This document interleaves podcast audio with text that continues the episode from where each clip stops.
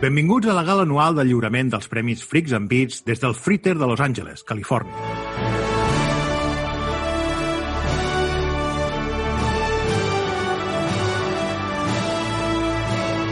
Una gala on la flor i la nata de la indústria audiovisual es reuneix per rebre el reconeixement que l'equip de Freaks and Beats concedeix als millors videojocs, sèries i pel·lícules de l'any.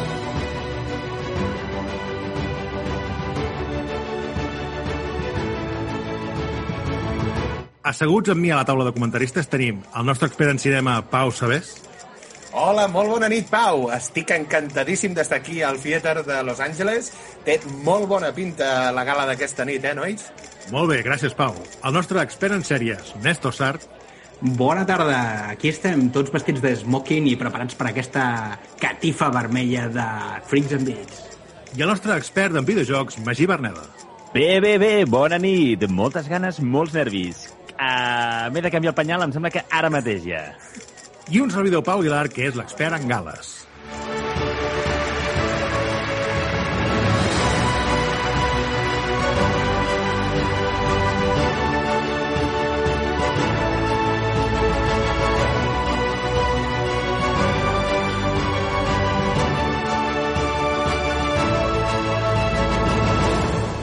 Quina gran quantitat de gent maca i famosa ha anat desfilant per la catifa vermella. Dels més destacats, Cory Balrog, de la saga God of War, Aaron Sorkin, Phil Donahue, John Favreau, Neil Druckmann, de la saga The Last of Us, Enrico Palazzo, Pedro Pascal, Hideo Kojima i molts més. Sí, sí, estic molt content de que s'hagi presentat tanta gent a la nostra gala. Realment, havent fet eh, convidades d'última hora, tots han pogut assistir. I tot i el Covid, eh? Això és, és un plus. Bueno, els hi han fet les PCR gratuïtes de marca Freaks and Beats a l'entrada de la gala. Sí, si veiem algú sense mascareta, rebrà un petit calbot de part nostra. So, Són PCRs anals perquè Freaks and Beats sempre donem una mica pel cul.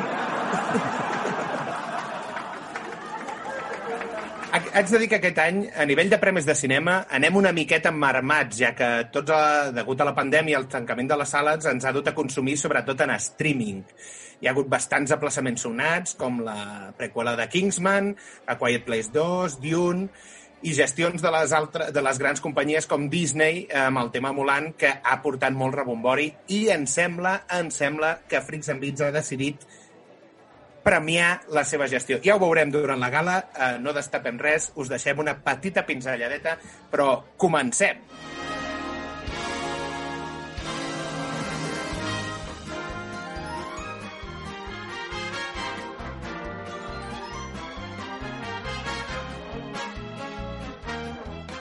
Bé, nois, puja el taló i sembla que comença la gala. El primer premi de la nit és el guardó el que porta per títol la millor sèrie en pintar la cara una saga, una saga cinematogràfica sense caure en la pressió dels cànons i del públic. És un premi que porta per títol This is the way, patrocinat per Fortasec, que és el que es va prendre J.J. Abrams quan el fandom se li va tirar a sobre. A veure, obren el sobre i el premi és per The Mandalorian.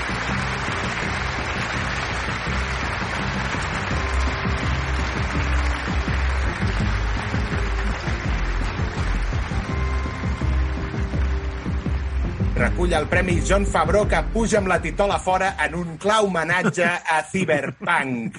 Bé, nois, què, podeu, què em podeu dir de, de, de Mandalorian? Pot ser que Favreau estigui pujant a l'escenari amb un tratjo de Beskar, nois? De Beskar pur? No traurà la màscara, espero. De fet, no li fa This is falta... no li fa falta el traje de Beskar perquè ningú l'ha d'apunyalar. Qui, sí que el, mm. qui sí que el necessitaria potser seria la Kathleen Kennedy, productora de Disney, després de les últimes trilogies de Star Wars. Què, què us ha semblat la sèrie, nois? Bé, jo, jo crec que és la demostració s'han fet molta crítica de que si és simple, que si és una sèrie tipus equipo A, que si és eh, escalopa amb patates, però per mi crec que fa el que és més difícil, que és fer una cosa senzilla, ben feta i amb tot el que se li demana. És un ritme que crec que recupera el ritme original de, de, les, de les pel·lis antigues de Star Wars, no? un ritme més pausat, no tan frenesí, que crec que és un dels pagats que va fer aquesta nova trilogia, d'intentar fer moltes acrobàcies eh, argumentals i generar noves maneres de fer de la força Aquí tenim un nou personatge, un estil western meravellós i, i això, una fórmula senzilla, una història que engloba tota la sèrie i petits eh, side missions estil videojoc que, que van eh, amanint cada un dels capítols. I, I la veritat és que jo l'he gaudit moltíssim. A més, ha fet eh, diversos moments eh, fanservice ben fets, sense abusar-ne i la veritat jo eh, estic mm, esperant amb candeletes tercera temporada que ens tocarà esperar bastant, eh? perquè ens tocarà esperar un anyet. Mm. Jo, jo, sí, sí, jo subscric el que ha dit el Néstor i a més a més Correcte. crec que el, el, l'univers Star Wars es dona potser més a fer-ne sèries tipus Mandalorian que no pas, que no pas pel·lícules i estic posant, estic, m'estic imaginant, per exemple, una sèrie tipus Mandalorian, però en comptes de Mandalorian, per exemple, imagineu-vos un Obi-Wan. Que es, fa, es farà, que es farà. Clar, clar, o sigui, és que el format en si és, eh, d'aquí el guanyador. D'aquí el premi This is the way, perquè aquesta sí, sí. és la manera de fer les sèries d'aquest format. També, sobretot... Molat això, vull dir, tindrem un, un empatx bastant important de sèries de Mandalorian, perquè tenim el Boba Fett, el llibre de Boba Fett, que, que ja... Boba Fett, Boba Fett. Boba Fett, Boba Fett eh, que, que ja ens van donar...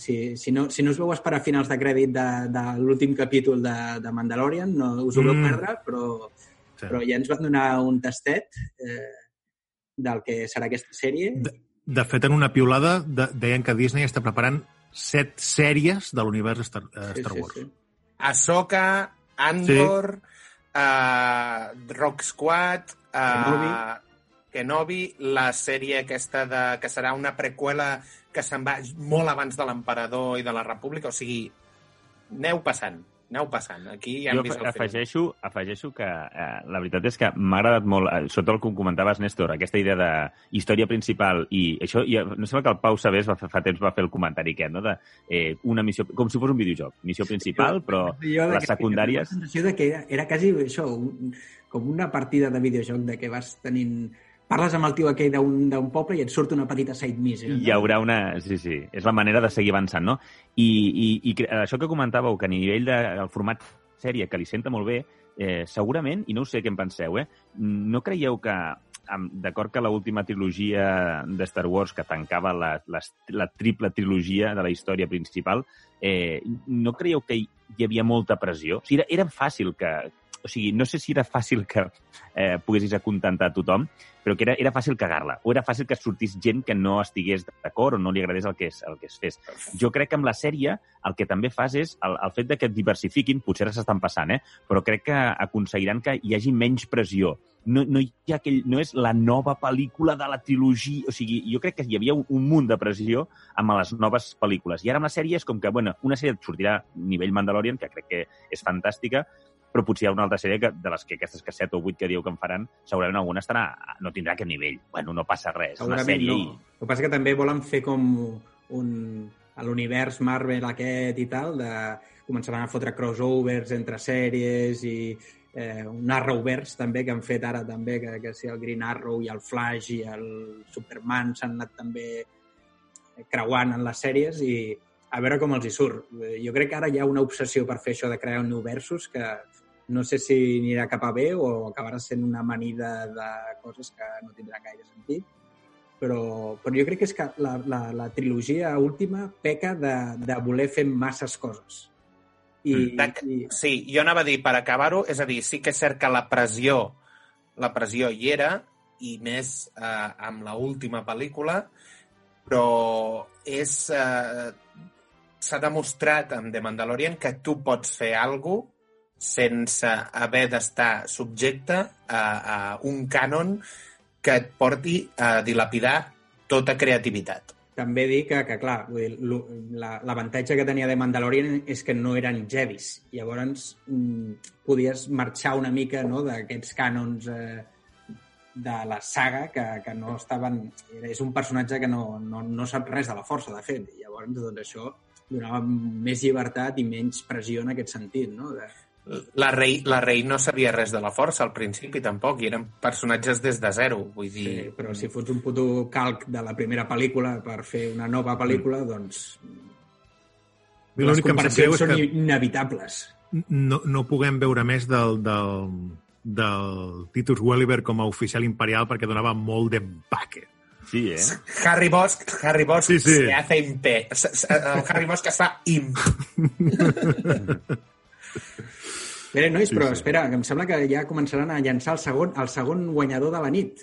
Sí, hem trepitjat tot el discurs del John Favreau. Em sap molt de greu, John, però eh, eh, havíem de comentar una miqueta la saga. Només estava dient, no, sí o sí, nena, així, així és com t'agrada. El segon premi de la nit eh, porta per nom Caçadors de bolets i és el premi al millor videojoc amb un Fong com a coprotagonista. Aquest, aquest premi el patrocina el Centre Excursionista de Sant Esteve de les Roures. Obren el sobre i el guanyador és The Last of Us 2. Recull el premi Neil Druckmann.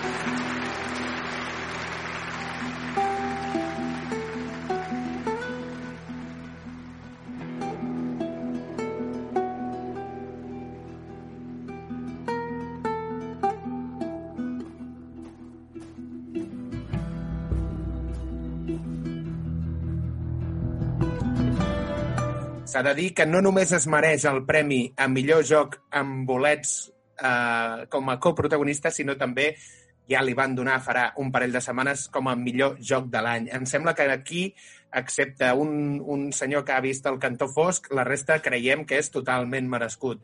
Magí, ets tu, ets tu l'expert. Anava a dir, no, no sé qui és el que ha vist el, el cantó fosc. Eh, Dels, dels, dels quatre que estem aquí fent, el, fent de comentarista d'aquesta gala, mmm, jo crec que tres l'hem gaudit i un li ha caigut per Nadal, així que, que s'haurà de, de posar les piles. Eh, poca cosa més a dir, hem, par hem parlat molt d'aquest joc i, i aquí també va sortir com a, el joc de, de Freaks and Beats del 2020, eh, una meravella. És una, una obra d'art, una història fantàstica, una manera d'explicar la història i de mantenir-te enganxat. Eh, subscric les paraules de, del Xavi PSX, que ens deia que eh, és un joc que et manté en tensió. En, en, gairebé el 98% del joc estàs en tensió, no saps què vindrà i, i està... I, bueno, l'apartat gràfic no ho és tot, però acompanya que dona gust i en aquest cas és una meravella. Jo sempre us dic que per mi és, és la sensació de tenir la PlayStation 5 eh, jugant a aquest joc. O sigui, brutal, brutal. Per mi, per mi és l'excusa, o sigui, tira per terra l'excusa dels senyors de CD Projekt quan diuen no, és que la Anava a dir el màquina, mateix. la màquina fa set anys i no ens aguanta el d'això. Miri vostè, Esteu intentant jugar un joc amb una consola de fa 7 anys. Pues mira el puto de Last of Us. Bueno, un moment, de- deixeu-me... No és que tinguin molt, molta estima per CD Projekt, però us he de dir que una cosa és un món obert que la gestió de la informació és bèstia. Al final, el The Last of Us no deixa de ser un passadís, és com el, el, com Però Grand Theft. Auto 5 també era millor. Vull dir, també és un món obert. Sí, sí. Ghost of sí, sí, Tsushima, sí. Magí. Ghost of Sí, Tsushima. sí, sí, sí, sí, sí. No, no, a veure... Que... No, no... Que no hi hem fem fotut, no hi hem fotut calés, tio. Sí, sí, segurament. Ni calés ni ganes. Bé, sembla que la gala continua i seguim amb videojocs. El Premi Instagrammer, o també conegut com el Premi Les flors de cirerer fan bucaque a la meva cara i el sol es pon mentre unes gotes de sang esquitxen la meva armadura de samurai, patrocinat per Floristeria Navarro. I el premi és per... Bugs of Sashimi. Uh!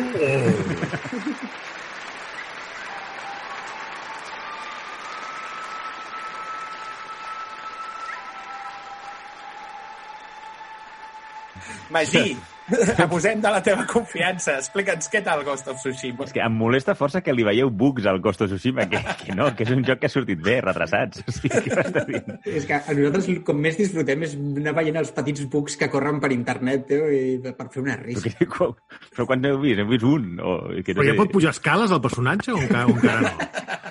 Les roques segueixen La sent millors les del Metal Gear, això... No, a veure, val a dir que, que és una meravella de joc. Ja sabeu que jo tinc una, una estima especial pel tema katanes i samurais, i, i és un joc que, de fet, eh, en els The Game Awards va guanyar el millor disseny artístic, no? perquè gràficament és un joc que, que es veu bé, però és que la, la tot i que el títol del, del, del, del premi era una mica falton, però realment es recrea, re- és una meravella com es veuen els pètals, les floretes, tots els, els paisatges, canvis de llum, brutal, molt bonic. I a nivell jugable jo crec que compleix. Mira que la saga Assassin's Creed, per exemple, ha anat avançant i avançant, però els estils de lluita s'han quedat molt, molt arcaics i no acaben de, de progressar. Jo crec que el Ghost of Tsushima ha jugat unes cartes ben jugades. És un joc que tampoc és que innovi molt, però a nivell d'estils d'atac o guàrdies diferents en funció dels enemics que tens davant eh, i visualment és, eh, totes les tècniques i totes la, tot el que envolta la, la, la, les tècniques d'ús de, de, de, de, de la katana eh, són una meravella, estan molt ben executades. Es nota que, que, hi, ha, que hi ha gent darrere de, de Sucker Punch que, que s'ha gastat els calés eh, amb, amb, contractant a professionals que saben com utilitzar katanes, el desenfundat, totes aquestes La pregunta és, si no tens quatre katanes i et poguessin donar un corxo d'aquells de piscina, tio, per jugar, i et, et seria igual? El pots disfrutar igual, aquest joc, o has de ser un autèntic mm, entès en, sí. la, en la temàtica. No, no, no, has de ser un entès, jo crec que el pots gaudir. Eh, jo crec que la història, eh, mira que m'agrada tot aquest entorn, eh, però a mi la, la història se m'està fent una mica llarga, també perquè és d'aquests jocs que se t'obren moltes, moltes secundàries que comences amb les ganes de dir, va, sí, ho faré molt, perquè realment la illa de Tsushima són com tres parts i la primera part t'animes no? i la vas desbloquejant tota, i... però ara ja les secundàries en la segona i tercera part de la illa se m'estan fent pesades. Vull, vull anar una mica al gra, no? Encara no me l'he acabat de passar, que estic a la recta final, però, però hi ha una part de mi que vol gaudir les secundàries, però em fa una mica de mandra, no? És aquest punt... Magí, nota. No sé si li vaig donar ja. Jo em sembla que mantindria... Em sembla que 18,6 i el mantindria aquí. Bueno, bueno. Jo, jo el, que, el que no m'agrada del, del... No és pel Ghost of Tsushima, sinó és la tendència aquesta que estic veient. Tots aquests jocs amb modo foto i aquestes coses, Uh, sembla com si t'estiguessin dient mira com es podria veure el joc, però no, no, o sigui, tu el jugaràs amb molts pitjors gràfics. Perquè el, el mode foto del Cyberpunk també vull dir, es veu que és espectacular, vull dir, unes, unes definicions, unes cares, uns rostres... I al final però tot això per el què? El modo foto, per exemple, de l'Spider-Man no, no canvia res. Tu pots fer És una que foto i, i no canvia res. Però és que el del Cyberpunk, clar, és que no sé, no sé Si si, vols- és una si vols manera de màrqueting perquè la gent pengi fotos espectaculars del joc però que després no jugues així.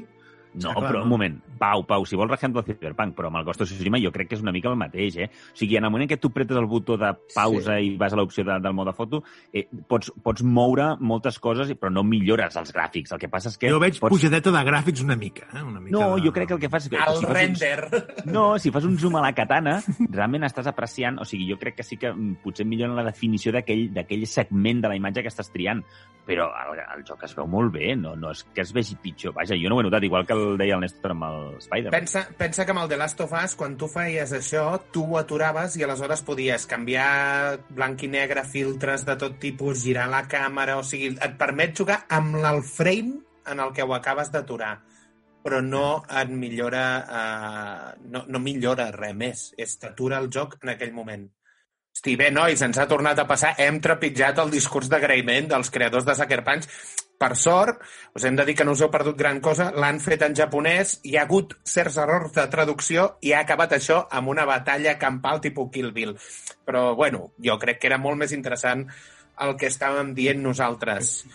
Segon guardó de sèries de la nit, nois. Premi sèrie de consum obligatori. S'ha de dir que aquest any el premi està bastant clar, ja que l'última temporada de Narcos ha sigut una mica fluixa i White Lines és un autèntic bodri. Obren el sobre i la guanyadora és Antidisturbios. Premi molt merescut. Nois, a part de mi, algú ha vist aquesta sèrie? Jo moro de ganes. La vull veure, aquesta sèrie, però no tinc el Movistar Plus dels nassos. Com morir-se de ganes de, per veure-la. Sí, sí, sí, perquè, perquè, perquè eh, quan vas, es va estrenar tothom en parlava molt i, i, a més a més, el que em fa més gràcia és que els antidisturbis estan molt en contra Ah, d'aquesta sin- sèrie. els sindicats aquells policials que deien que aquesta sèrie és basura. Ah, exacte, llavors per això la vull veure. Doncs us ho recomano, és una molt bona sèrie. A mi em va encantar i estan tots fantàstics. S'ha acabat ja? Hi haurà més temporades o...? Ho deixen obert de tal manera que la, la I si propera aconsegueixen temporada... més coca, doncs pues seguiran, no? Uh! La Acaba la, acaba la sèrie amb un nou cadàver? No. La propera temporada és un fangar molt bèstia, si entren. No us diré res. Què? Què? 15M? Més fangar. Hòstia, Indepes? hi ha un silenci delatador. Interessant. Acabem de... Hòstia, hem tornat a trepitjar el discurs. Però bueno, va, arriba la llenya. estan pujant a l'escenari a entregar el premi Jean-Claude Van Damme i Chuck Norris. I sí, és el premi al millor videojoc de lluita. Uh, parlaré per sobre perquè el Chuck Norris no se l'entén gaire, tant de botox s'ha posat últimament. Uh, només dir-vos que el premi, uh, anteriorment conegut com Premi Bat Spencer, ha canviat de títol aquest any i ha passat a dir-se Premi CDRs Urquinaona Edition, el joc amb més cleques callejeres uh, d'aquest any 2020. I el guanyador és... Street of Rage 4. Jo... Bé, estic bé, molt merescudíssim. És, un, Molt, molt bon joc. és una manera de fer un refreshing d'una saga molt ben parida, amb una estètica molt guapa, aquesta mena de... Sí, sorprèn molt que, amb- que amb un 2D, no? classiquíssim, aconsegueixin ser eh, visualment tan, tan renovat, no? Eh, Que sigui Sí, guapo, no? Utilitza una espècie de cel shading o... No, no cel shading, molt animat, no? molt, sembla molt, molt animació molt il·lustrat, d'anime. tio, Sí, sí, sí. I, I realment sembla que no, però és més profund del que sembla, eh? Perquè té la conya aquesta dels, dels eh, els combos que pots fer amb els, amb els enemics. Reboten. Recordeu que en aquests Sí. jocs, els típics brawlers, quan, quan re rebentes i fas el tercer o quart cop, eh, l'enemic surt disparat i desapareix de la pantalla i després torna. En aquí rebota contra el límit de la pantalla i pots seguir allargant aquest, És un aquest combo eh, estil, estil eh, Street. Fighter, no? És No, no, esliva. molt... Li vas allargant l'agonia. Això va molt bé per al Final Bosses, eh?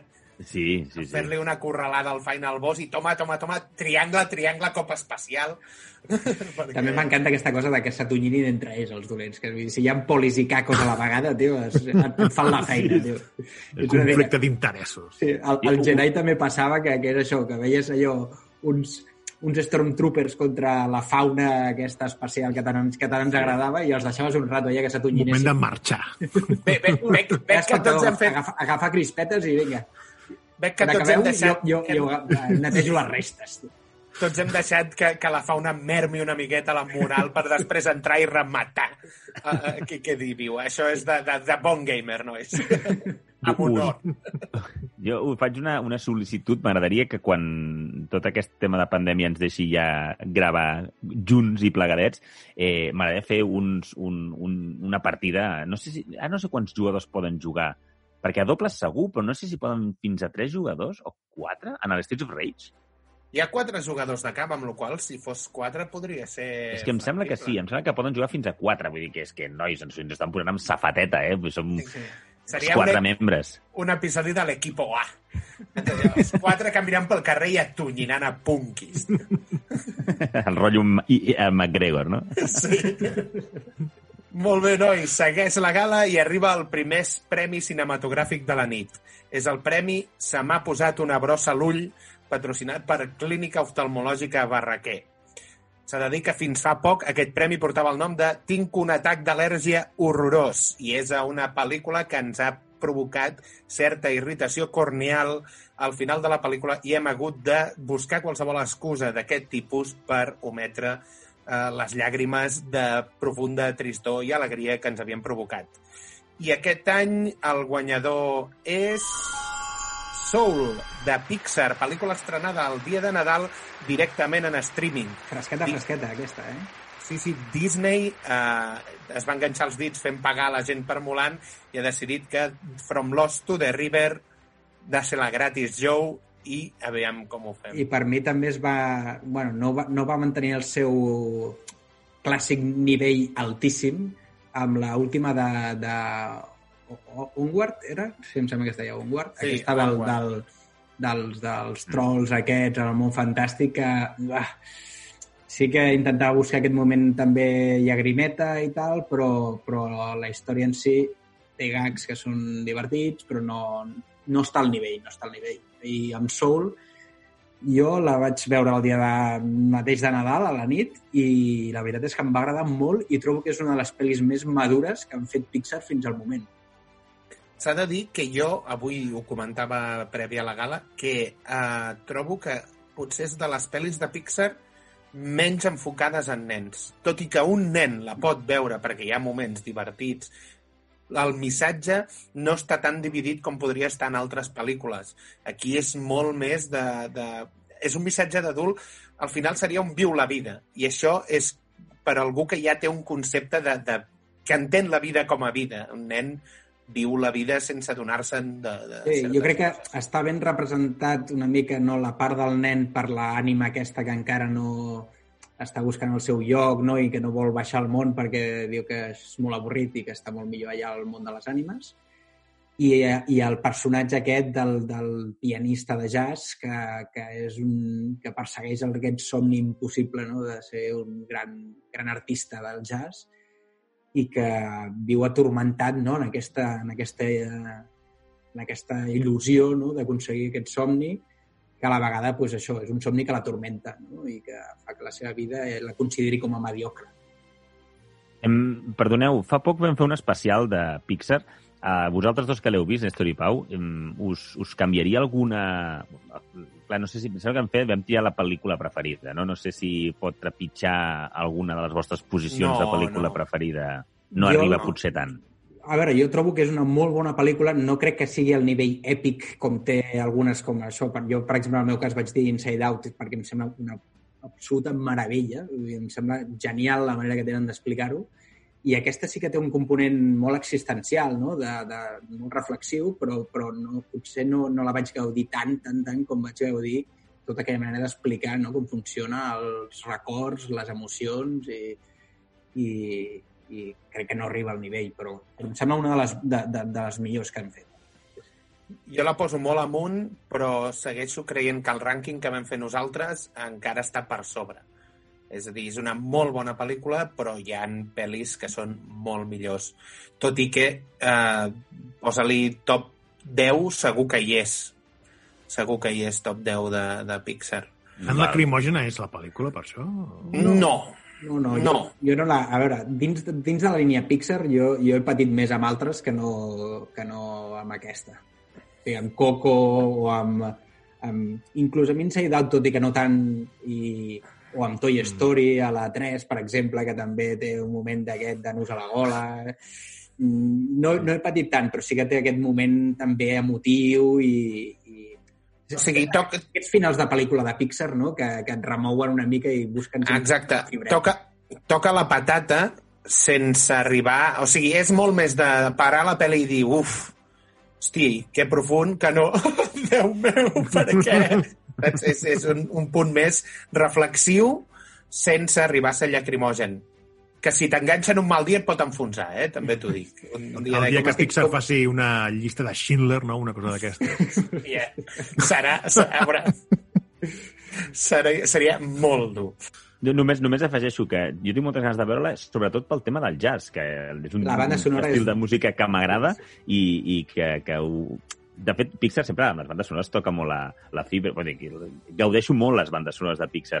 Doncs tinc moltes ganes. Precisament, aquest és un dels principals motius. El Que de, per, la, ser, de la música. que per cert, he descobert, veient els títols de crèdit, que un dels encarregats de, de la banda sonora és el Trent Reznor, que és el creador de Nine Inch Nails, que és un grup d'aquests de metal fever de- d'això, que el Johnny Cash li va agafar la versió uh, Heart i va fer aquella cançó que es va utilitzar després en el tràiler de Lobezno, i és un tio que és un geni a nivell de producció, però clar, el seu estil no, no és aquest. I el tio, en canvi, ho va fer. Doncs eh, ha sí. fet una banda sonora collonuda. Molt guai, molt guai i molt, molt, amb molt de jazz.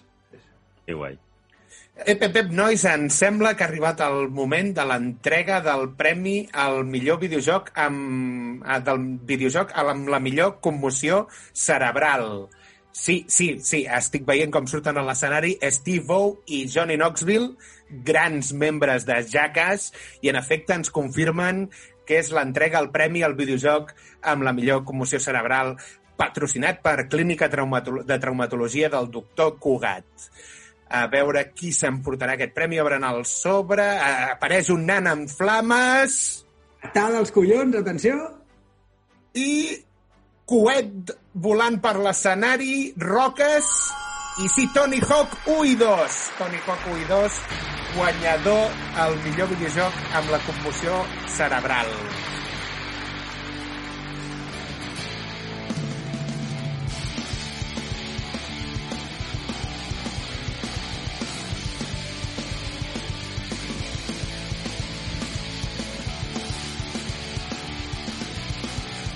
Què, Néstor?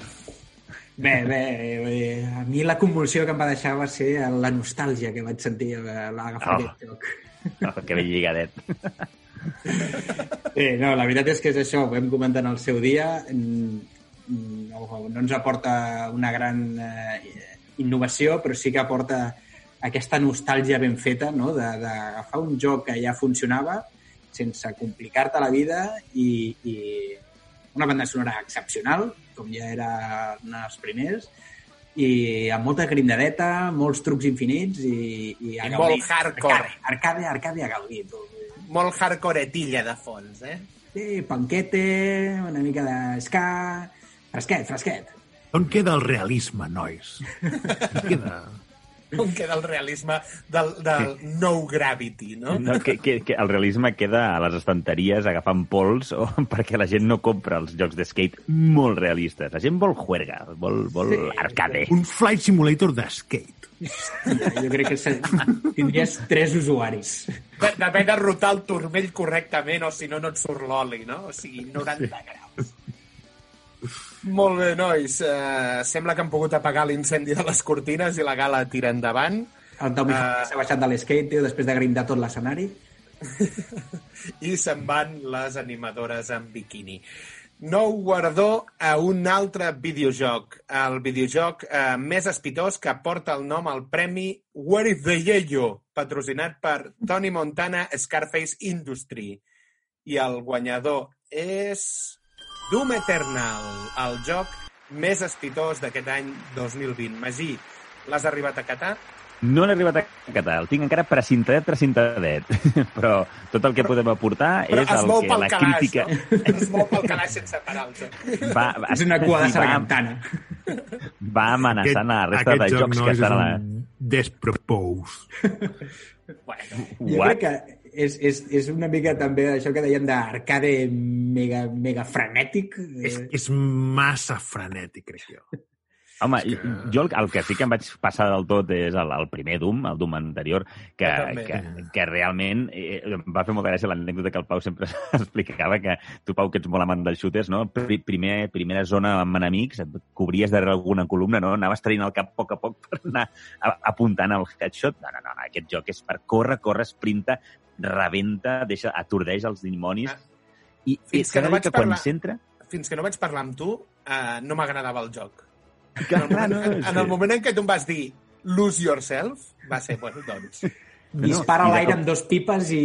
Sí, no? sí, sí. Cau fent volta, a, a, al joc, o sigui, hi ha pocs jocs que quan acabes de fer una sessió de joc, de, una sessió de partida, eh, a, a, acabes com cansat, esgotat, i aquest joc t'ho dona. Jo crec que la funció que fa, que és de shooter d'acció, o sigui, la paraula, la paraula acció és el que acompanya el, el primer, i en aquest cas el segon, que diuen que realment eh, afegeixen una, una mecànica nova del, del tema del ganxo, hi ha una espècie de, com de, de Garfi que pots disparar a les a, a roques i a més et pots balancejar i arribar a zones més llunyanes i que sí que han fet que els escenaris o les, les zones de combat són una mica més verticals, és a dir, a, a, a, a, afegeixen verticalitat i tens nous, noves, nous nivells d'alçada on et pots mm, per fer a jugar a, a, a, a fet i amagar amb els dimonis. Veig que el Pau va dient que no. Sí, sí, és el que Jo a dic que no, i ja que el premi es diu Where is the Yayo, jo mm, proposo que torni a caure a Antidisturbios, el premi, i res de Doom Eternal, res. És, és, és Rambo posat d'espint. tu. Sí. Molt bé, i entrem al premi a la sèrie sobre la història terrorista de l'estat espanyol. És un gènere molt poc comú en l'audiovisual espanyol, quasi tan estrany com el cinema sobre la Guerra Civil, de la que gairebé no se n'ha fet cap film al cinema espanyol. I és el guardó que porta per nom ETA sí, ETA no, patrocinat per Chimo Bayo, Ecstasy. Extano. I aquest any hi ha diverses candidates. La línia invisible, el desafío de ETA i Pàtria. I la guanyadora és... Pàtria. Premi molt merescut. Jo crec que és una molt bona adaptació del llibre del Fernando Aramburu, tot i que si entrem en altres punts et diria que eh, allò que diuen que és una sèrie equidistant no estic gens d'acord. Els hi fa falta molta mirada a l'altra banda. Com s'explica que tot un poble estigués d'acord amb un moviment terrorista. A Espanya no es pot fer una sèrie equidistant sobre això.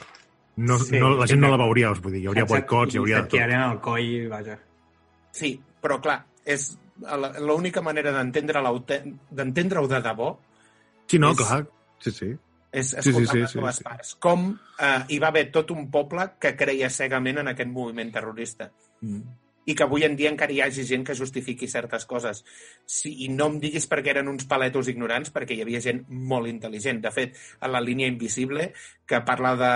de és una sèrie que parla de el primer assassinat eh, per un d'un guàrdia civil, bueno, d'una persona, o sigui, el primer assassinat que va cometre ETA, et mostra que els fundadors d'ETA de, d'ETA, eh, eren tios molt cultes. I aquesta gent, o sigui, no, no eren quatre pagesos que volien la llibertat. Per tant, és el que dèiem, Espanya mai permetrà fer una sèrie així, però crec que es mereixeria una explicació més, més profunda que no la gent li van rentar el cap i tira milles. Sí, sí, completament d'acord. Molt bé, una nova sèrie, Premi Black or White, patrocinat per el Centro Derek Zulander para niños que no saben leer chachi y quieren hacer otras cosas chachi. I el premi és per Gambito de Dama. Queen's Gambit, eh, sèrie sobre aquesta nana superdotada basada en un llibre eh, que guanya escacs a Tuto Kiski i que té un Asperger bastant gran i certs problemes d'addicció a diverses substàncies. Jo no l'he acabada, he vist dos o tres episodis. Uh, Magí, em sembla que tu has vist un Un episodi. capítol, de moment, sí. I I Néstor, el, tu el, ets... el Néstor Sí, Jo l'he l'anàlisi. acabat, sí, sí, sí. I, a part, bueno, més, més enllà de que estèticament trobo que és una sèrie deliciosa, perquè està molt ben cuidat en tota aquesta estètica dels, dels anys 40, 50, en què està eh, ambientada com, com el tractament fílmic, no? Eh, les simetries amb les que juga, tots aquests plans de, eh, de, de, de les partides i, i, i com van jugant amb, amb, amb el, el que està dins del seu cap i el que no, eh, trobo que és una sèrie que és molt interessant també per, per tot aquest element no? del, del, del, del tio superdotat eh, geni però torturat a la vegada, no? Eh, Que algú que hauria de tenir tota la, totes les facilitats del món per, per, per ser una persona lliure, com està atormentat sempre per aquestes, en aquest cas aquesta noia, per aquesta obsessió amb els escacs eh, malaltissa, no? I que acaba pues, mm, sí, posant-li eh, alcoholismes i addicció als calmants i, i, i a part de pues, la seva història tortuosa que mm, no faré gaires spoilers, però clar, amb aquests passars turbis que, i aquesta infància a l'orfenat com, com marquen tota la, la seva vida. No? Mhm. El que, el que he sentit sobre aquesta sèrie, i no, no he vist cap capítol, però és, és um, semblant al que vam dir en el seu moment de la pel·li d'Enola Holmes, és a dir, que, que el, recau massa el pes en el- en l'actriu, la, uh, Anne Taylor-Joy, es diu, la- Sí. l'actriu, sí. sí, no? Um, Que parla, parla un espanyol amb accent argentí brutal. Sí, és veritat. Sí, sí, Sí. perquè aquesta nana es va criar per, per, per Sud-amèrica, em sembla, Argentina, i li vaig veure l'altre dia una entrevista i vaig dir... Sí, sí, sí, que està allà perfecte. Amb accent argentí, però sí, sí. Que I, i, que perfecte. serà, I que serà la nova Imperator Furiosa en la preqüela de Mad Max que faran. Segueix, Pau, perdó. No, no, que, que, res, mi- no, això, que, que, que havia llegit que, que uh, era més... O sigui, que no era tant la sèrie que era molt bona, sinó l'actuació de la- de l'actriu. Ella està brutal, brutal. Per mi és, és, és el pilar clarament de la sèrie. Eh, sí que té un, potser, mm, clar, el ser tan, tan protagonista, mm, tot recau sobre ella, però crec que és que ho fa també, que, que no, no fer-ho seria malgastar recursos en, i, que, i que és la història que, que és rellevant. No? Els altres són actors secundaris que, que crec que inclús el propi personatge ja és, ja és així, no? perquè ella està en el seu món i tota la gent que li envolta no deixen de ser mm, gent que es creu en el seu camí però que amb aquest Asperger una mica que té no, no, no acaba de... O sigui, connecta d'una manera molt freda amb la gent, no? Molt bé, i ara entrem a la categoria d'alimentació d'humans. No confondre amb l'overcooked, que seria l'alimentació per a humans, sinó li- alimentació d'humans. I el premi Masterchef al millor tàrtar de científic, patrocinat per Agria de Guisona, és per Carrion. el videojoc en el que ets una espècie alienígena i has de fugir d'una base on et tenen atrapats els humans mitjançant endrapada de científics un rere l'altre. Tu ets qui genera el terror. Has d'escapar de l'Àrtic? No sé, no. Mm. Mm, de Thing, eh, Pau? Feia una oloreta de thing important, no? Uh. Sí, no, la veritat és que un joc que... Jo és dels, dels jocs indie que he jugat aquest any, eh, dels que més ganes li tenia perquè aquesta premissa de portar el, el, a la cosa dolenta que es menja humans, eh, normalment fugir, estem fugint no, d'aquests entes i d'aquestes aberracions, però en aquest cas portes, tu controles aquesta, aquesta massa de, de tentacles eh, viscerals, doncs eh, li, li seguia la pista i quan va sortir a l'estiu eh, me'l vaig, me vaig comprar, vaig poder, me'l vaig poder passar, no és molt llarg.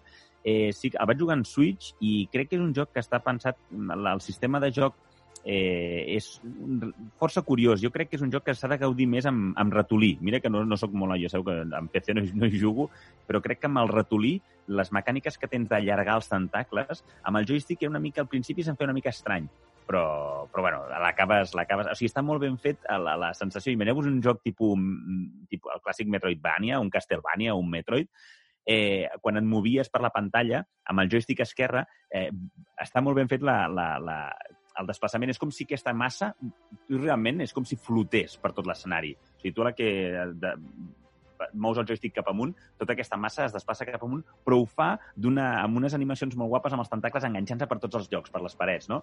Llavors, la, la sensació de que és una massa que per, pots, pots fer-te gran i petita en funció del que et vas menjant eh, i, i, i en funció també del que vas menjant i que canvies aquesta mida, pots resoldre certs puzzles que et permeten avançar en la- en l'aventura, eh, és molt, molt divertit veure com es mou, no? Per molt gran que siguis, es mou com molt ràpid i llafiscós a través dels tubs És una mica com, com les plagues del Resident 6, per exemple? Eh, recorda una miqueta, sí, sí, sí. Bueno, Fes-te la idea que és això, és com si, estèticament, si ho veus així, eh, primer cop d'ull, és com un cervell amb, amb que li surten tentacles. Val? O sigui, estèticament és un allò, budells, semblen budells. I, I com et vas menjant i com vas agafant els científics i els trinques i els vas, els vas eh, rebentant la, contra els laterals. No? És, és molt, molt... Un més coeficient, més bon sabor té. No, el que fa molta gràcia és que pots, pots menjar, matar, però no te'ls pots empassar els que van com amb armadura i, i, i, Ah. i escut, no? Llavors aquests els mates, però no te'ls pots menjar.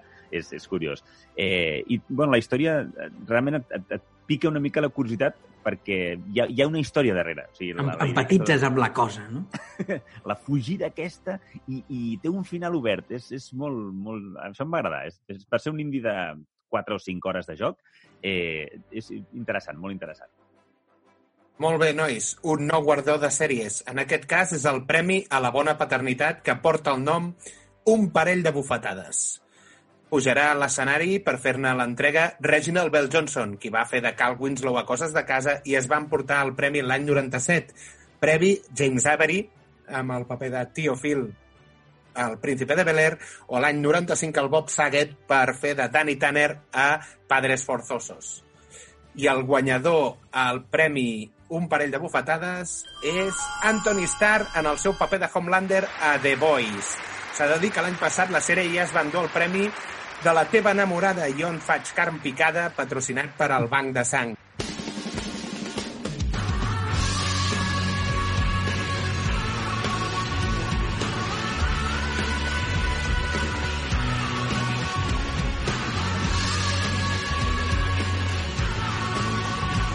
Nois, què dir d'aquesta segona temporada de The Boys? Jo l'he trobat excel·lent Oh. i em porta el premi a una gran paternitat el senyor Homelander, tal i com tracta el seu fill.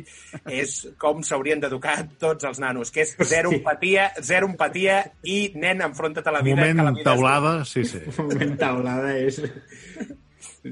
Has d'aprendre a volar, la millor manera és tirar Patada. pel buit. Confiança en un mateix, sí, sí. Quin tros de sèrie de Boys. La veritat és que tinc, és de les sèries que potser tinc més ganes de, de, de seguir-la veient i de noves temporades. Si us fan així de bé... Jo, jo tinc dubtes de com, com seguiran, eh, realment, perquè ha quedat tot molt tancadet, no? Eh, po- podria ser perfectament un final de sèrie... Eh, sí, òbviament queden Podria ser, sí. i tot, però, però queda molt tancadet tot.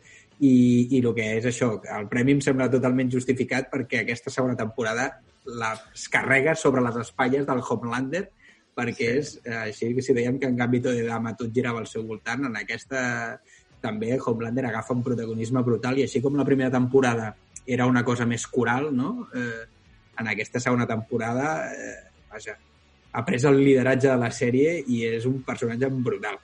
Així com tinc moltes ganes de veure més, em fa molta por també cap on va. Precisament per això, perquè quan acaben aquestes... Està, està, suposo que està confirmat, no?, que s'estan fent noves temporades de... Sí, sí, sí, sí. Ja, ja han confirmat gent que, que han fitxat per, per The Voice. Val. Els amics Però- del, del Sobrenatural del Pau. Sí, el Jensen Ackles. Sí, aquest Ranger de Texas. sí. Em fa, No, em el fa, Rangers és l'altre, el. L'altre. sí. dic, em Un, fa un s'ha por... fet Ranger i l'altre s'ha fet eh, superheroi. Mm. deia que em fa por... He tingut, amb el tema, amb, amb, amb sèries de superherois, n'hi ha dues que eh, vaig gaudir molt a les primeres dues temporades i em van fracassar després perquè ja era, veies, més dinero i no tenia cap sentit. Que per una era la eh, Heroes, que ja té molts Sabia anys. que, cauria aquesta. Aquesta és molt... va, Jo la, la primera Realment, la primera temporada... temporada, eh, eh, la primera és, la, especialment, primera, és la primera és fantàstica. èpic. És fantàstica. I la segona encara t'ho compro, però després ja, ja és massa liada. I també, relacionat amb superherois, és la de Misfits, que Misfits és una anada d'olla molt bona. És què passaria si, si els superherois, o si, si adolescents eh, que són de, de, de baix nivell cultural sí, tinguessin superpoders, no? Eh, això, la primera i segona temporada d'aquesta sèrie, per mi, està en el top 3 de sèries ever. O sigui, És que Cre Brutal. crec que, crec que el problema aquí està... Crec que és, a veure, és, és problema i tam també és una cosa positiva per, per la gent en general, diguem-ne, que és ja no, no, no és el procés creatiu el que marca fins on dura una sèrie, sinó és quin èxit té la sèrie. Mentre Ja. la gent ho miri, seguiran fent coses, amb la qual I això és un- això si és a tu t'agrada la sèrie tal i com està, doncs, bueno, seguiràs tenint contingut. Però, clar, mm, si obligues... Per exemple, em recordo el cas del, del, del Martin amb, amb, amb Joc de Trons. Si va haver un moment en què la sèrie va avançar els llibres i senzillament no hi havia res sobre el que, sobre el que escriure, perquè és que, vull dir, estaven improvisant sobre la marxa. La qual cosa, doncs, i això- d'aquí els fans també que es van queixar que les últimes temporades eren, per dir-ho suaument, fluixes comparades amb, amb les... Home, és que un tio que dedica, quants anys? 5-6 anys a escriure un llibre Sí, i, Sí, sí, clar, vull dir, tu fas una fàbrica de xurros en uns mesos per crear tota la història, el guió Sí. d'una cosa tan perfeccionista i tan superdetallista i elaborada, no, home, jo, ah, jo en el, que no pot en ser el- el mateix. en el cas concret de Joc de Trons jo ho noto molt, o sigui, els diàlegs de les primeres temporades de Joc de Trons eren brutals. Mm, O sigui, com, sí, sí. com, com un personatge... O sigui, recordo el, el, el cas del, del Tyrion Lannister quan arriba a, a, a Desembarco del Rei. Sigui, d- després, les últimes temporades, vull dir, els diàlegs són autèntica, autèntica basura. Bueno, bueno, basura... Home, Però perden molt, sí. Sí, so, no són tan bons, però basura, basura... no, home, no són tan bons... Bueno, sí. No, no, és totalment cert, no són tan bons.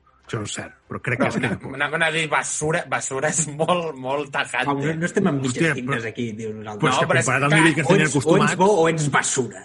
Sí, sí, o sigui, però és com si eh, està dient que la, les últimes dues temporades les han escrites els guionistes de Jim Tony, saps? No, no, seria, no seria aquest cas. A mi Pau em grinyolava més, per exemple, el tema del tempo, quan es havien de desplaçar d'una banda a una altra, en les, segon, en les Sí. últimes temporades anaven de dalt a baix de, de, Sí, de no, no, això també està territori. molt mal fet, conforme avança la sèrie. Sí, sí. No, i que es nota que, que ho havien d'acabar d'alguna manera, eh? perquè sí. és, molt, és molt brusc. L'última temporada tot és molt brusc. Doncs això, que fa por, fa por com continuarà The Voice. Molt bé, nois, em sap molt greu que no hagueu pogut sentir el discurs de l'Anthony Starr perquè ha estat tota l'audiència plorant, ha sigut algo molt emotiu. Però, bueno... Eh, I ho ha acabat amb un raig d'ulls que ha cremat a mitja evidència, per això ha pogut controlar-lo. Però seguim, nou guardó de cinema. Aquest cop és el Premi al cinema d'autor i a la sensibilitat en la introspecció de l'ànima humana. Premi que porta per nom Grab Them by the Pussy i la guanyadora és eh, Borat 2. Pau, has vist ja Borat 2? No, no encara, però estic veient que l'ambaixador de, de Kazakhstan està abandonant la sala en aquest moment.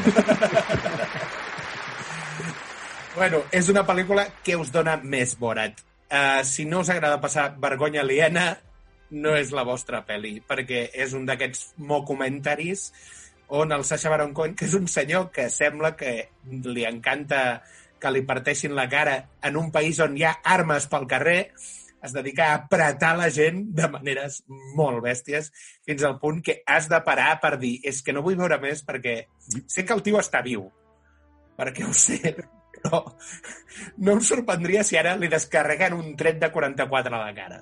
És que per això em costa seure i dir, vinga, vaig a mirar a vora, perquè realment amb això de la vergonya aliena no, no, no passo gaire bé. Jo m'hi vaig, vaig eh, ficar, vaig, no la vaig acabar, eh? però recordo, em sembla que portava 40 minuts de, de pel·lícula i no, crec que n'hi havia somrigut. I sí que hi, Yeah. hi, va haver, hi va haver un gag, un gag que em va agafar en fora de joc i em va fer gràcia. Molt masclí... Bueno, és que tot el paper que... Sí, Potser clar. el que em costa entrar és precisament per això, perquè és aquesta idea de que no sé fins a quin punt sap tot, tota la gent que hi ha allà sap tot, no? Tot està, són com gags muntats de, de, jo què sé, de, com es deia aquella sèrie de TV3, de gags, de que... Just Dinamita. for laughs. El dinamita, ah, vale. el dinamita. O sigui, que, que són, són gags, vull dir, són gags. El que passa és que sí que fa, de vegades n'hi ha alguns que dius, vale, això fa olor de que no sap ben bé de què està anant la persona que té davant, però no sé fins a quin punt. Llavors, Jo és que tot crec és que- com que- molt fals. En aquestes pel·lis, o sigui, tota la part de pel·li és la part que no, que no m'interessa i, no, i Sí. no em fa gràcia, no? La part d'acting, el, Sí. que, el que trobo més, més brillant és com sap treure mm, de la gent allò, o sigui, el, el, el Sacha Baron Cohen va buscar alguna molt concret quan fa aquestes, aquests, aquestes actuacions amb gent real que no sap mm, que és un actor, entre cometes, vull dir, no? Que, que, I com els hi fa dir el que ella està buscant que diguin, no? Um, doncs, a, a, a, a, a, a, a, el ginecòleg aquest cristià que van amb la seva filla... És que Clar, li fa sí. dir unes aberracions No, però un moment, és que... només... Por... O sigui, ell, Però és que- ella està dient unes animalades, però l'altre eh, eh, és que... Que la filla és el fill no mascle. Sí, el fill no... Clar, Sí, I l'altre... I veus que l'altra persona no, no s'està escandalitzant pel que està dient. Ja. Mm. A vegades està dient coses més grosses que el propi, Sacha, que el propi personatge de Borat, no? que és una, no, un masclista misó. Perquè, clar, perquè quan la gent veu que el tio d'entrada, eh, per exemple, arriba als Estats Units i el primer que vol fer és comprar-li una gàbia a la filla per d'això, i la gent suposo que... Però si l'altre tu veus que sí, que li entra el joc. Sí, clar, és el que t'anava a dir. Sí, que habria la persona aquesta en una gàbia, saps? I dius, però, però, però, però vull dir, a més que... O sigui, per Que no molta, saps... molta documentary que sigui, o sigui, hi ha una càmera i tu no estàs veient la càmera aquesta que t'està filmant. Clar, però suposo que la gent pensa, si aquest tio les està dient d'aquesta alçada, vol dir que Clar. jo, si dic lo meu, m'és absolutament igual.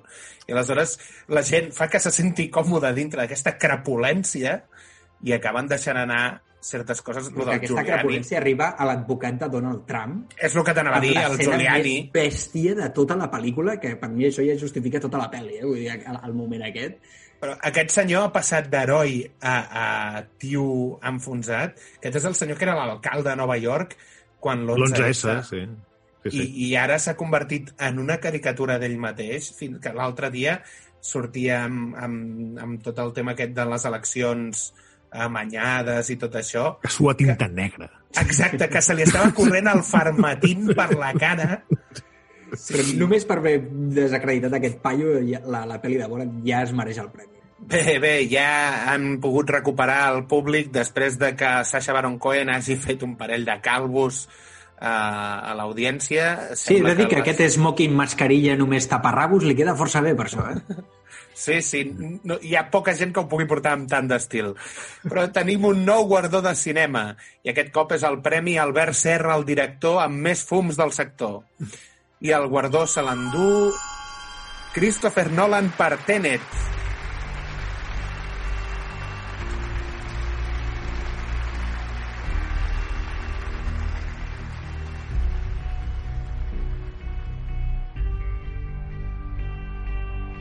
El director aquesta nit ha fet doblet, ja que també s'ha endut el guardó al guió més planer amb el premi un físic, un cunyat i un enginyer t'expliquen l'argument molt bé. És una pel·lícula que ja vam fer-ne en el seu moment un fricòmetre i tots ja en coneixeu eh, l'opinió. Hi ha aquí talibans del senyor Nolan que la consideren una pel·li correcta i hi ha gent que la considera una fumada de puro a la cara de l'espectador de part del senyor Christopher Nolan, com és un servidor. Néstor, algú més a recalcar?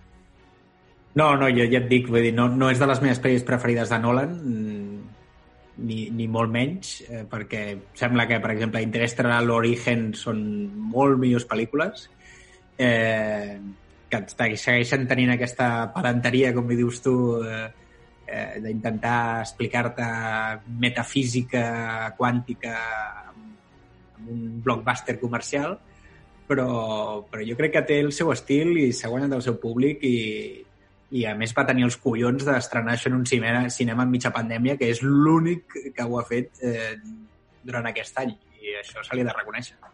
Per això rep el premi, és a dir, se li ha de reconèixer el fet de, de que hagi tingut el valor d'estrenar, però trobo una pel·lícula pretens... la trobo una pel·lícula pretensiosa. Pensa que a mi, per exemple, Dunkerque, que també fa aquest joc temporal, em va agradar molt més i aleshores té un dels millors Batmans amb un dels millors Jokers de la història del cinema audiovisual.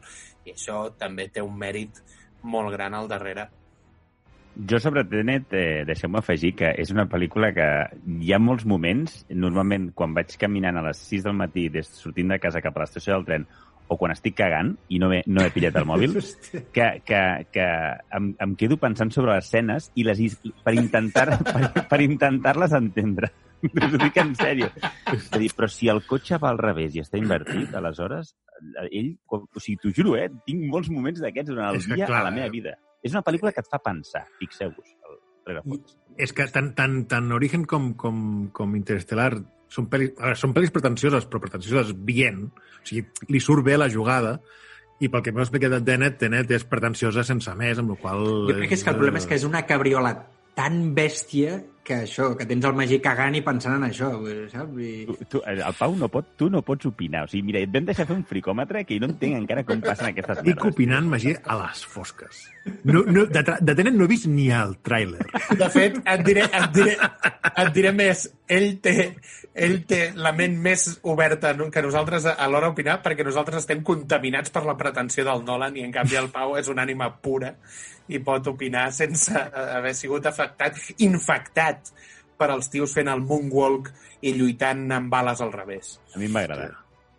Bueno, sí, visualment és espectacular. No, no, em va agradar la història. Vull dir, el que m'intentaven... Jo sé que no estic preparat per entendre-ho. No passa res, vull dir, assumim els límits, ja està. Bueno, necessites tres tios de l'MIT que t'expliquin la cronologia I- temporoespacial, i no? I moltes, I moltes cagades, ja està. Sí, sí. Molt bé, nois, la gala continua i ja arribem al final. Uh, la propera categoria és per la sèrie preqüela que porta el nom Si fas un rebut, fes-lo collonut. Patrocinat per Whisky Dick i Malboro. I la guanyadora és... Perry Mason.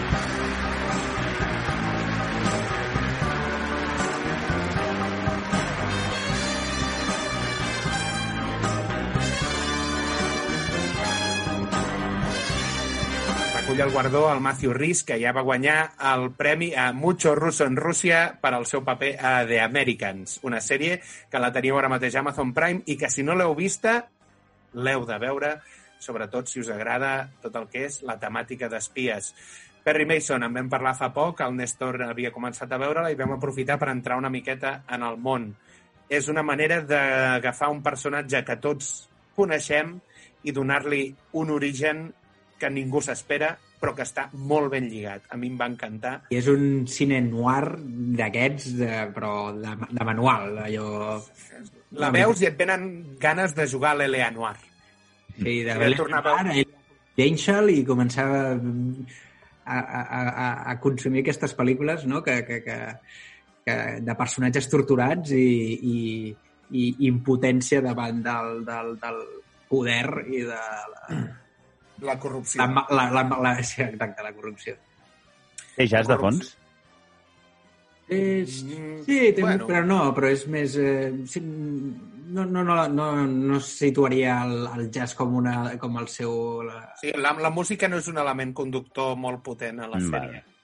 És, És, un, és... és un fons, és, no? Sí. és algú que t'acompanya i és més... Eh, transmès aquesta sensació de, de, Sí. de, de, de foscor i de torment que, que, que no. L'estètica l'estètica està molt ben aconseguida, està tot molt bé. Molt bé, el proper guardó el presenta Pep Guardiola i és el premi Take the Ball, Pass the Ball, patrocinat per Mundo Portivo, a una sèrie sobre esports. I la guanyadora és Ted Lasso. Néstor, ja ens n'has parlat, però eh, aquesta sèrie porta un premi que tu directament eh, l'hauràs de comentar perquè la resta no en sabem absolutament És, res. sí, perquè és sèrie de- d'Apple TV i llavors eh, aquí hi ha menys, menys, menys gent que estigui en aquesta plataforma. Jo, sí, dir que si, si, teniu, si us compreu un iPhone o una, un aparell dispositiu Apple, et donen un any de subscripció gratis, o sigui que estigueu atents en això, perquè hi ha vegades que gent no, no ho sap. Eh, I és una sèrie que jo trobo que és la sèrie simpàtica de l'any, eh, que és un, és un personatge que és, que és amable, que és tot bondat, que és tot optimisme, que és, és pràcticament un professor d'institut, per dir-ho d'alguna manera, i, i crec que molt de l'esport professional té aquesta cosa de gestió de d'egos, de tot de xavalins, no? Amb molts milions i, i amb molta fama i molt de protagonisme i, i com aquest eh, la, el context és un entrenador de futbol americà de- d'universitat que el fitxen per dirigir un equip de la Premier. Llavors és un peix fora l'àrea, perquè el tio no en té ni idea ni de què és el fora de joc. Llavors, doncs, Mhm. també és divertit com va aprenent i com, sense saber-ne res, pot, pot, eh, jo crec que és això. Vull dir, podries dirigir un equip de futbol professional sense ser un gran entès en la matèria. S'ha de dir que el Jason Sudeikis, eh, que és el Ted Russell, tenia un paper a la primera temporada de Mandalorian en l'escena aquella de dos, dos Stormtroopers de motos que tenen una conversa. Un d'ells és el Jason Sudeikis. I, sobretot, recalcar els seus L'últim papers... de- episodi, diria, de la primera. Quin és el que vol mirar o el que dins de la bossa? O, o l'altre? No, no ho recordo ara mateix, però, però era un d'ells. I recalcar els seus papers a Saturday Night Live, que eren molt bons. Molt bé, Premi a l'Entrepreneur. Aquest premi es dona al joc amb millor idea de negoci. I el guanyador és... Final Fantasy VII Remake, que està clar que tirar de la nostàlgia i convertir un sol joc en varis, cobrant-los tot a preus de joc nou per poder-se fer una piscina daurada que s'omplirà després amb les llàgrimes de Boomer que han anat pagant cada part d'aquest joc a tocateja, ha sigut molt bona idea. Magí, tu que en tenies moltes ganes i que ets l'únic que l'has catat, què ens en pots dir? Jo us he de dir que aquest joc m'agradaria que el juguéssiu, o com a mínim, si no el voleu jugar perquè us fa mandra pel temps o perquè el Final Fantasy VII no us va marcar tant, eh, mireu-vos la recta final del joc per YouTube, perquè necessito parlar-ne amb algú sobre el que planteja el joc.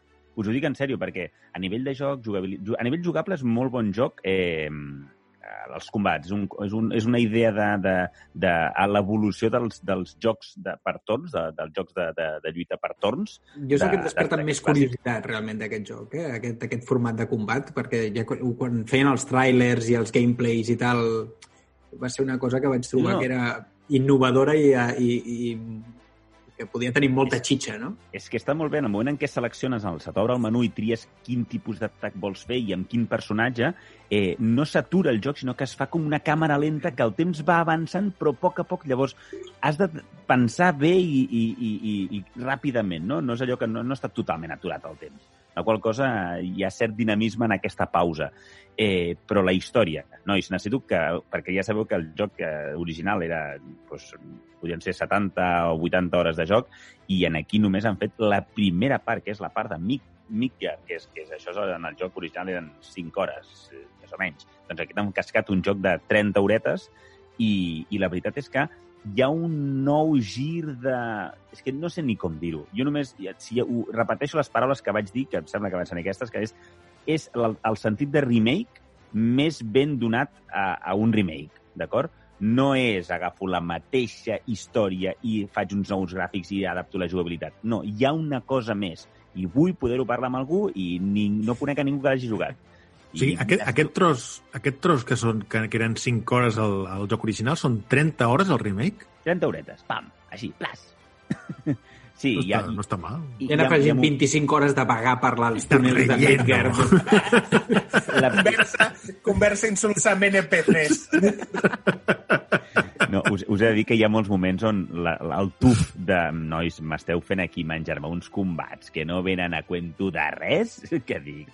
Però bueno, com que el sistema de joc és divertit, mira, no es fa tan, tan, tan pesat. La veritat és que... I, i, i gràficament eh, vaig al·lucinar molt fort, eh? Perquè passar per als escenaris que, que em tocaven la fibra al seu dia, o el record que tenies, i veure'ls amb els nous gràfics PlayStation 4, buah, és, és, això sí que ha molts moments del joc, el, el tires endavant i segueixes i vols veure més, perquè, perquè es, si estimes el Final Fantasy VII original, aquest té tot el sentit del món.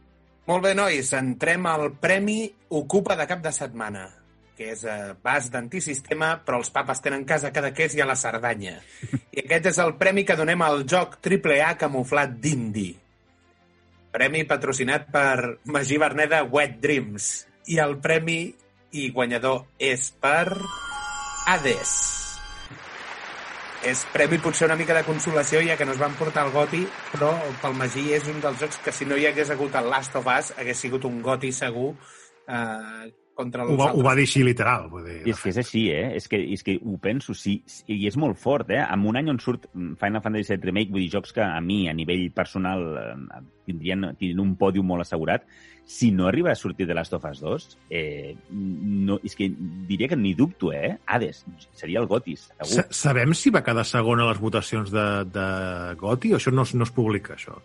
Ah, doncs no ho sé, si la posició, no?, el rànquing Sí. dels, dels nominats, Sí. no ho sé, no ho sé. Jo, jo sé, esc- escoltant podcast de- d'altres de, de, mm, pàgines web i altres... Eh, Ens, enganyes, Magí, amb altres no, podcasts? no, no us engany, no, no participo com a oient, com a oient. Infidelitat. No, com a oient.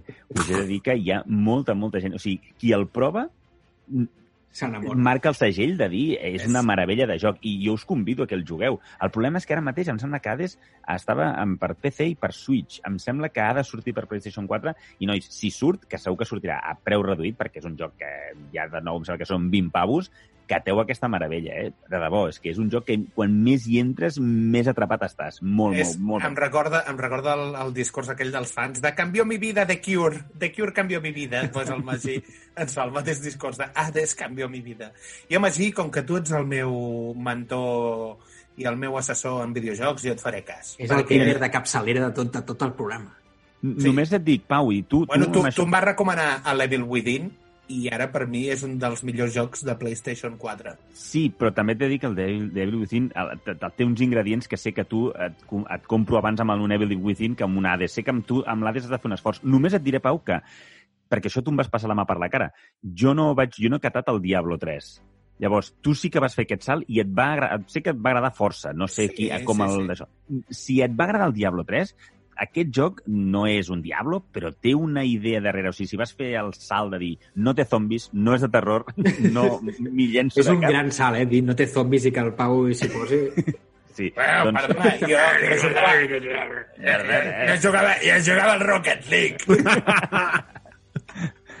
no, no, doncs proveu-lo. Si teniu ocasió, proveu Hades perquè és una meravella, una meravella de joc. Molt bé. Vinga, nois, la gala segueix i entrem a la secció de minissèries sobre el món de l'esport. Aquí tenim grans guardonats en edicions anteriors, com el documental de Barcelona a la Nandrolona sobre com guanyar un concurs de culturisme o el ja mític para subir a la cima me meto de todo menos cocaïna, autobiografia de Lance Armstrong. Aquest premi el porta la, aquest any el premi porta el nom de Juan Palomo perquè és per The Last Dance.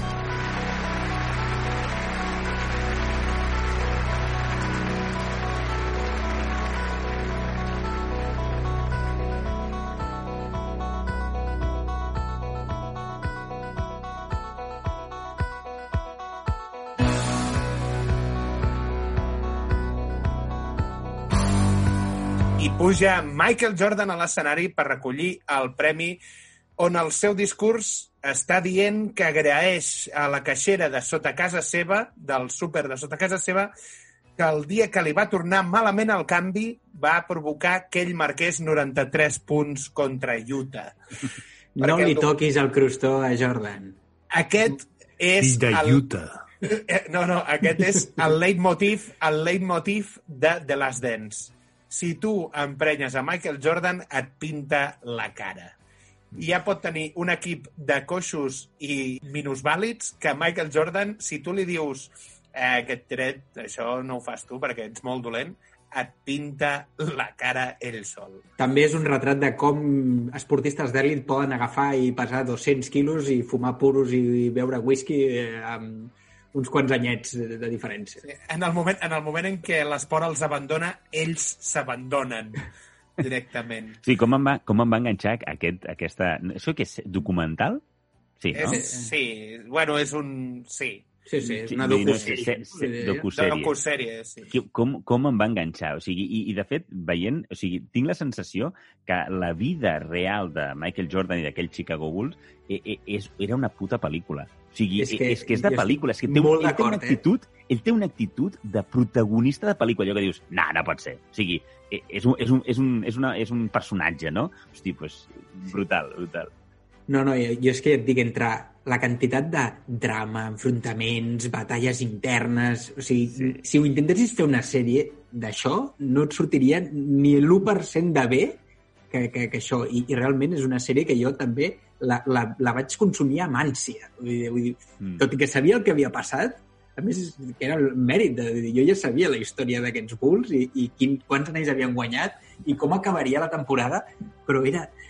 És que vull saber com, com, van, com, van, com es va viure tot allò des de dins i tota la... Sí, sí. I el Danny Roman escapant-se a Las Vegas i, i fent una reunió amb el Phil Jackson. Puto impresentable, per favor. És tan No, màgic però- que aquest personatge fos formés part d'aquest inolvidable equip. Vull dir, és, I a part, és el, el bad està- boy vull dir, fotut en un equip d'estrelles perfectament coral. És, és fantàstic.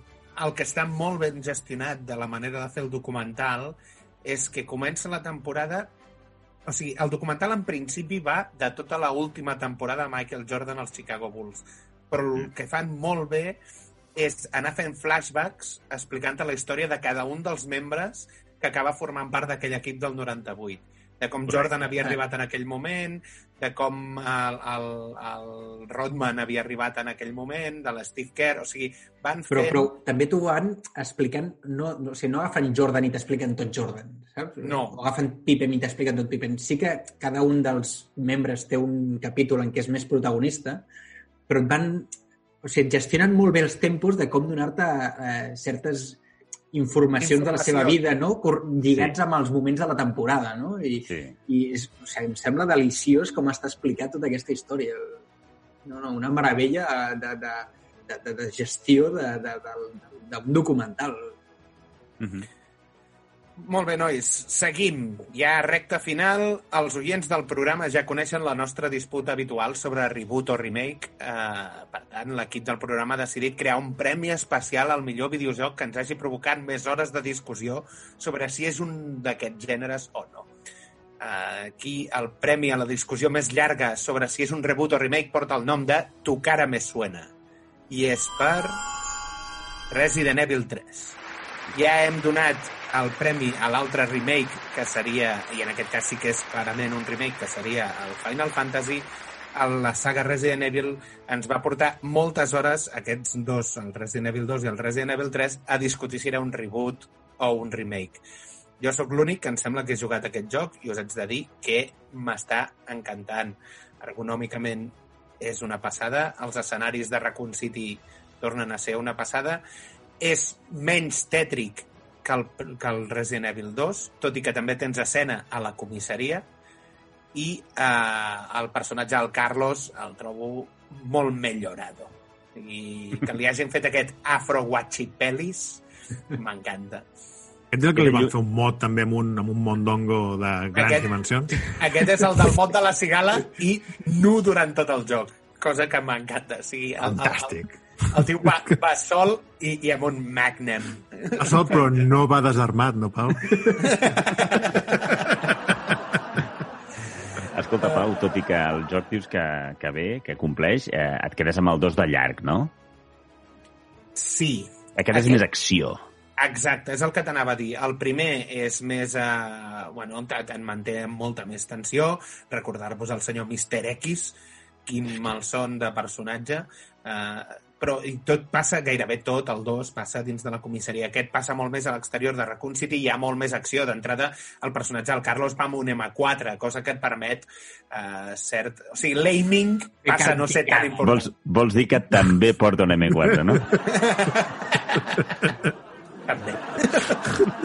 Va amb dues pistoles. Una dispara, la I otra otra. consuela. I la Jill Valentine, que està fantàstica, i que en el moment en què et donen el, el llançaquicos, et, po- et donen un d'aquests M203 amb carregador circular, aleshores ja la lluita contra el Tyrant passa a ser algo molt més gestionable. Eh, inicialment fotre-li trets a la cara a aquell monstrenco que et persegueix vestit de cuir, pues, és, és angoixant, però es fa molt més portable arrel de que tu comences a tenir més firepower, cosa que amb el Mr. X no passava i el feia un joc més angoixant. Mm. El 3 original ja era així, que també era molt més centrat en trets que no pas... Eh... Sí. Sí, sí, sí. El 3 original era, canviava... eh, És que, de fet, és el canvi natural que han fet d'aquí amb els remakes. En l'original passava el mateix. Era més És que- acció.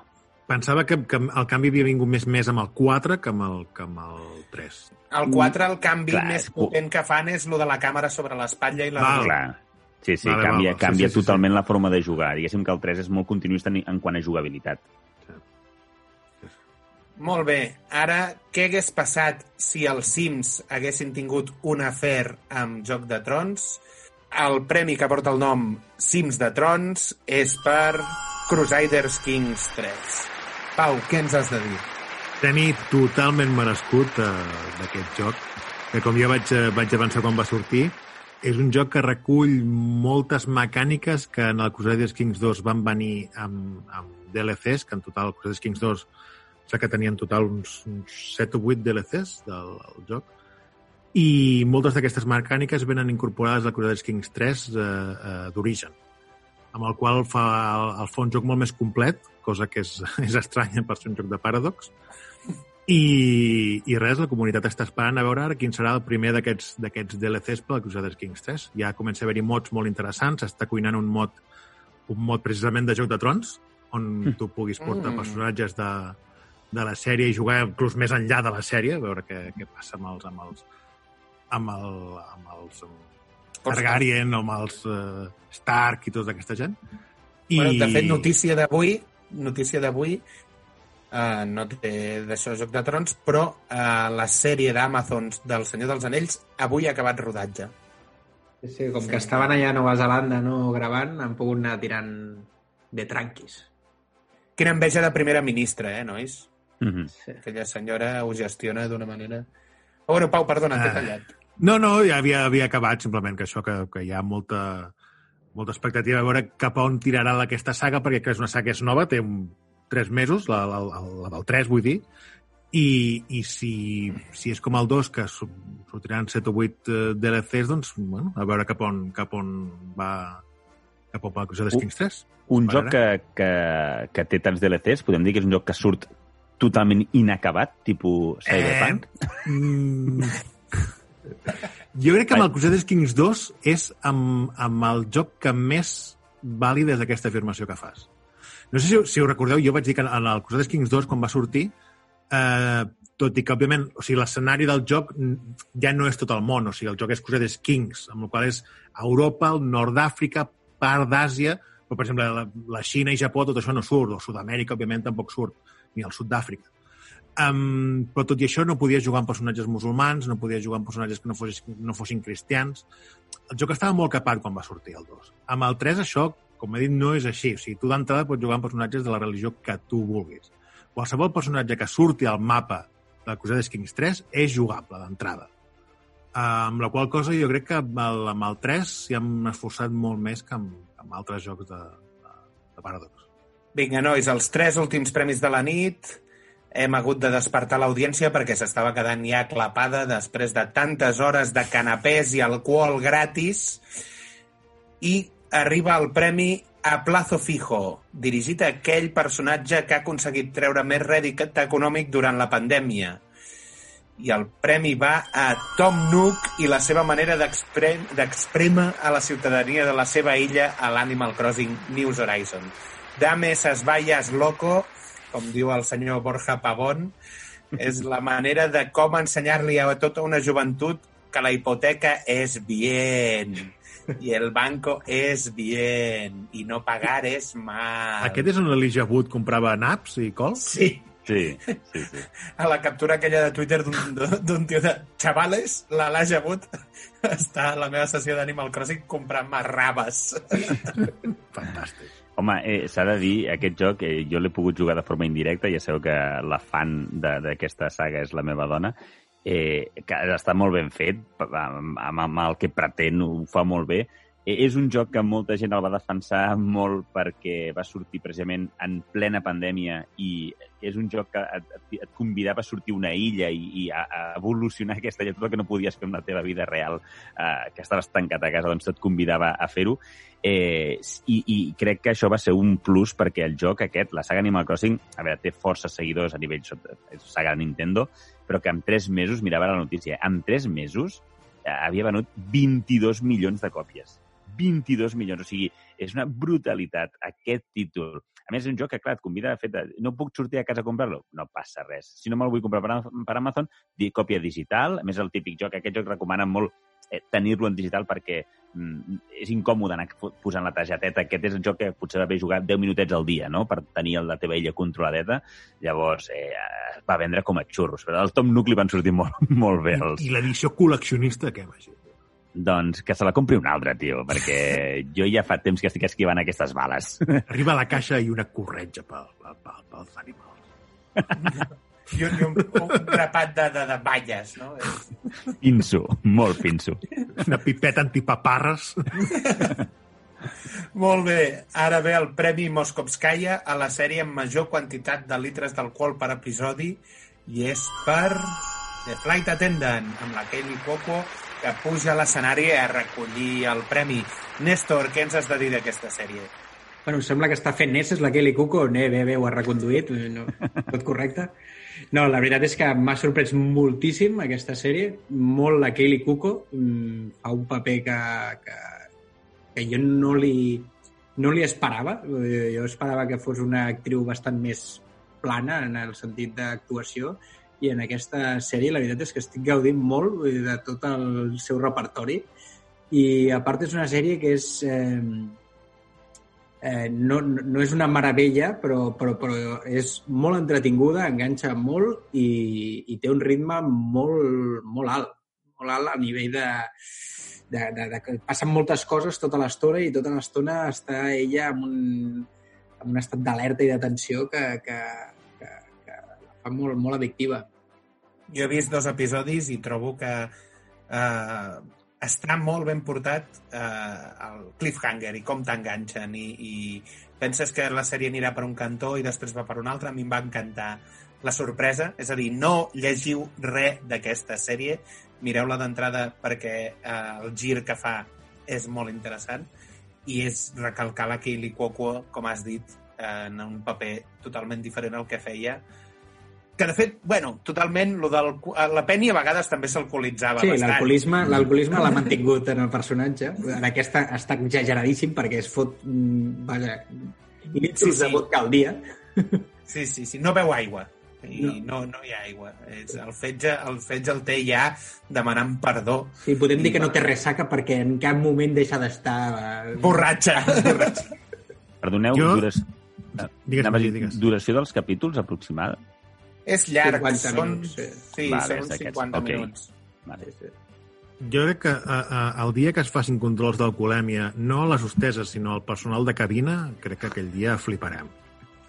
Sí, sí. Sí, Presumptament. perquè Sí, sí que relata vull dir, a- aquesta, aquesta juerga permanent que porten el, Sí, sí, sí. sí. en la seva... Clar, vull dir, cada dia estan en, en, un, en un país diferent i, i, i cada dia tenen una juerga en un país diferent. Les opinions del Pau Aguilar no estan subscrites al, a Per la la línia totalitat de editorial del programa. Molt bé, nois. I l'últim premi de la nit, que és el premi als Amics del Cinema, que va per Mulan de Disney. Tothom volia veure cine durant la pandèmia, però Disney va fer una jugada mestra que és no, no, portarem Mulan al cine, us portem cartelleria, us portem de tot, us portem marxandatge i dos dies abans, eh, també l'estrenarem en la nostra plataforma Disney+. Plus. Ah, bueno, però... No, no, saps què? Pagant, pagant. No, no, jo ja pago Disney+. Plus. No, no, pagant 20 nyapos més per veure Mulan. Hi ha una imatge d'un senyor, un cinema de França, un, un, un propietari d'un cinema de França amb un bat de béisbol carregant-se la cartelleria de Mulan. I el cinema estava tocat de mort i a sobre els hi pintes la cara d'aquesta manera, ets un guarro. Van arribar a estrenar al cine? A Xina, a Xina la van arribar a estrenar al cine perquè... Diria una que aquí no, no, no, és que ni la van estrenar al cinema, van direct, van dinar directament a la plataforma i els cines es van quedar amb la seva cartelleria i, i res més. Vull dir, no, Que fort. Sí, I, no I sabeu com, sabeu com ha anat econòmicament el fet aquest dels 20 pavos per Segur Disney que no va anar bé perquè ara està gratis a Sí. Disney. Em sembla que va ser un fracàs absolut. I Soul, Soul l'han estrenat Soul l'han estrenat gratuïta, clar que no és el mateix mm, perfil de pel·lícula, Yeah. però, però, però jo crec que no, que, que han vist que, que a 20 pavos a casa no, És que no, és, no, és una, no és el format de negoci del futur. I més si estàs pagant eh? una quota d'una plataforma.